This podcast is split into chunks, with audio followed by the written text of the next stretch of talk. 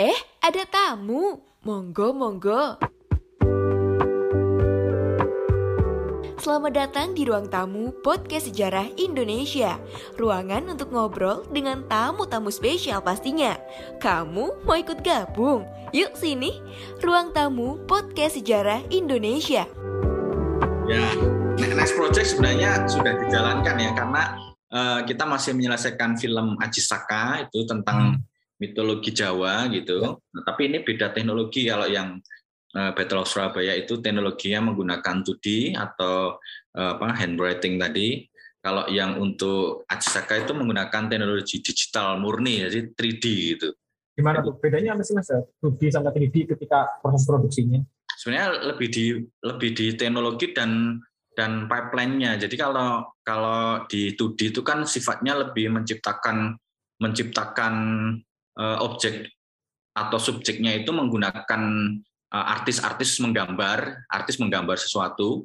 Tapi kalau di uh, teknologi 3D ini sebenarnya sebenarnya 2D sekarang juga bisa di generate dari digital, tetapi pada basicnya itu. Kalau teknologi 3D ini lebih kepada mesin yang membangkitkan apa namanya subjeknya, tetapi ya tetap berdasarkan dari uh, apa namanya uh, kemampuan artis di dalam membuat sebuah uh, karya art apa karya karya seninya gitu. Jadi per perbedaannya lebih di lebih di teknologi mediumnya. Jadi kalau di 2D itu orang yang melakukan secara langsung gambar. Ya. Kalau yang 3D itu orang mematung, mematung tapi menggunakan eh, apa objek digital gitu atau modeling gitu. Itu juga perlengkapannya juga harus lebih ribet ya kalau 3D kayaknya ya Mas.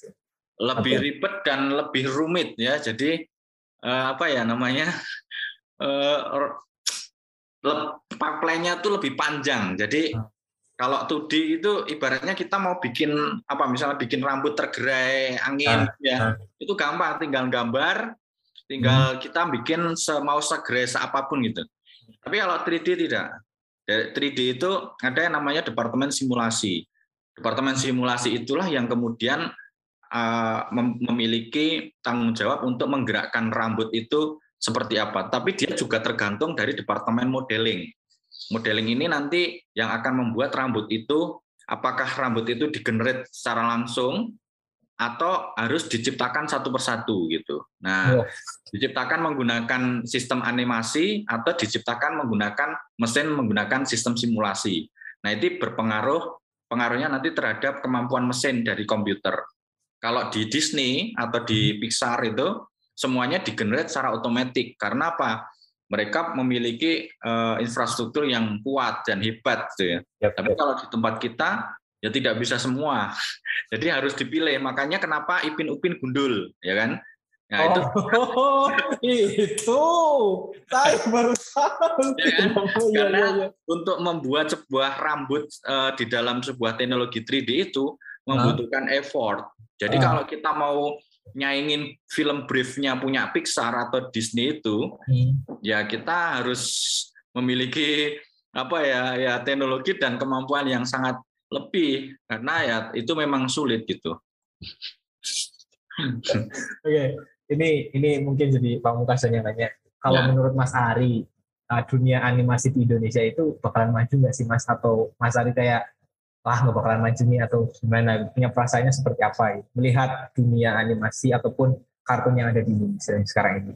Kalau melihat tren, kalau melihat tren insya Allah bakal maju ya. Cuma majunya cepat atau tidak itu nanti bergantung dari uh, apakah informasi tentang animasi ini benar uh, secara tepat itu masuk ke dalam masyarakat gitu. Karena kalau kita bicara uh, animasi ini kan seperti lifestyle, artinya tidak tidak tergantung oleh pembuatnya saja, tetapi masyarakatnya apakah juga memiliki memiliki concern atau memiliki perhatian yang besar terhadap itu karena fokusnya kan kita tidak bisa hanya memproduksi toh tapi tidak ada yang mengkonsumsi. Kalau itu saja berarti otomatis eh, sistem ekonominya jadi hanya kita memproduksi tapi tidak pernah ada yang menikmati dan memberikan feedback kan. Nah, itu jadinya problem. Nah, artinya kalau secara secara karya pasti akan lebih maju.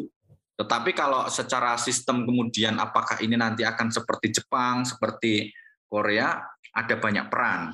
Ada peran pemerintah, ada peran pendidikan, ada peran masyarakat, ada peran komunitas, ada peran media, dan peran dari pengusaha atau industrinya sendiri. Artinya enam, enam ini yang dibutuhkan untuk maju bersama nih. Nah, tidak, ya.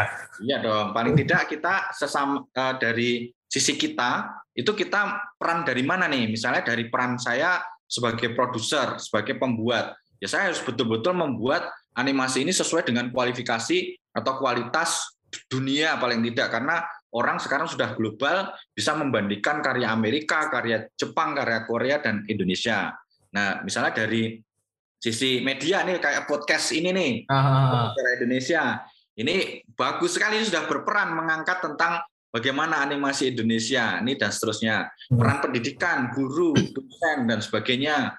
Peran pemerintah sebagai regulator harus menciptakan kondisi yang eh, apa nyaman ny nyaman dan aman untuk perkembangan animasi khususnya Indonesia jangan impor film terus nanti ambiar masyarakatnya masyarakatnya nah. jangan nonton film bajakan terus dong. Iya dong, didukung dong. Nggak murah gitulah, kayak gitu mas. Nah itu yeah. itu banyak hal yang membuat. Tapi saya yakin tetap punya optimisme.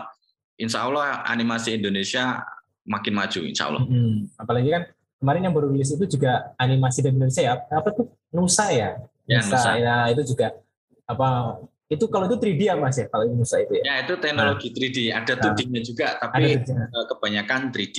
Oke, berarti ya itu itulah menjadi bukti tren gitu. Terakhir banget nih Mas nih, ini ya. ada yang nyelundup masuk nih pertanyaannya. Ya. Kenapa di film Battle of Surabaya nggak ada yang dirobek tuh bendera Indonesia?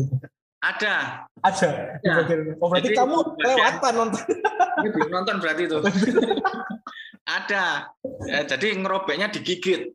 Jadi kita waktu itu riset juga. Hmm. Oh ini cara ngerobeknya gimana ya? Pakai gunting atau pakai pakai pisau atau disobek pakai tangan? Ternyata kita baca itu digigit. Jadi hmm.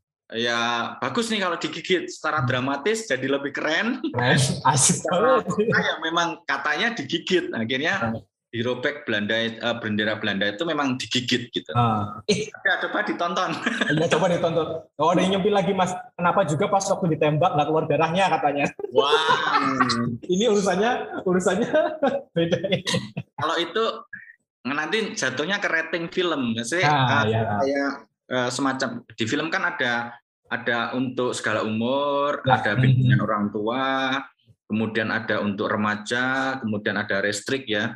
Yeah. Kalau filmnya nanti ada darahnya, nanti jatuhnya ke restrik. Artinya yeah. nanti tidak secara bebas bisa ditonton oleh anak-anak, bisa secara bebas di apa namanya ditonton oleh anak-anak remaja itu nggak bisa. Jadi harus di atas 17 tahun atau hmm. di atas 13 tahun gitu. Jadi eh, pertimbangan itulah kemudian kita eh, membuat film ini tidak mengeluarkan darah gitu. Hmm. Jadi Uh, tetapi ini juga kalau secara rating sebenarnya tidak bisa untuk segala umur karena ya. ini harus ditonton oleh orang-orang kalau atau anak-anak yang sudah mendapatkan pendidikan kewiraan, jadi pendidikan tentang bela bangsa gitu. Kalau tidak, ini nanti jadi bullying karena ada adegan fightingnya, ya. adegan tembak menembak, itu kan nanti kalau tidak dibimbing oleh orang tua itu bisa ditiru menjadi sesuatu yang jelek. Karena pernah terjadi di di salah satu SMK di Jawa Barat itu uh. ketika ada bedah film ya saya diundang ke sana uh. itu uh, orang-orang itu anak-anak SMK-nya itu saking fanatiknya Battle Surabaya satu temporari kipas hitam di lengan mereka itu yang gini yang Jepang itu Iya. waduh, waduh, waduh. Jadi sampai fanatiknya kayak gitu. Saking fanatiknya, eh kalau di Jepang kan juga ada ya mas ya, yang fanatik banget sama manga, otaku dan yang lainnya. Ini bagus. sampai ditato berarti. Oke deh, makasih banget Mas Ari. Ya. Tapi untuk nutup ini, sebenarnya apa sih harapan Mas Ari ini sebagai apa ya bisa dikatakan orang yang fokus terjun di dunia animasi sekaligus juga pernah dari film itu untuk animasi Indonesia utamanya ya harapan saya ya semoga ini uh, uh, paling tidak ini bisa menjadi apa ya pijakan lah ya menjadi pijakan hmm. untuk kita itu bisa eh, paling tidak bisa melangkah selanjutnya untuk kemudian mengembangkan animasi Indonesia itu ke level yang lebih tinggi lagi. Artinya nah. bisa ber, ber apa menjadi tuan rumah di negeri kita sendiri.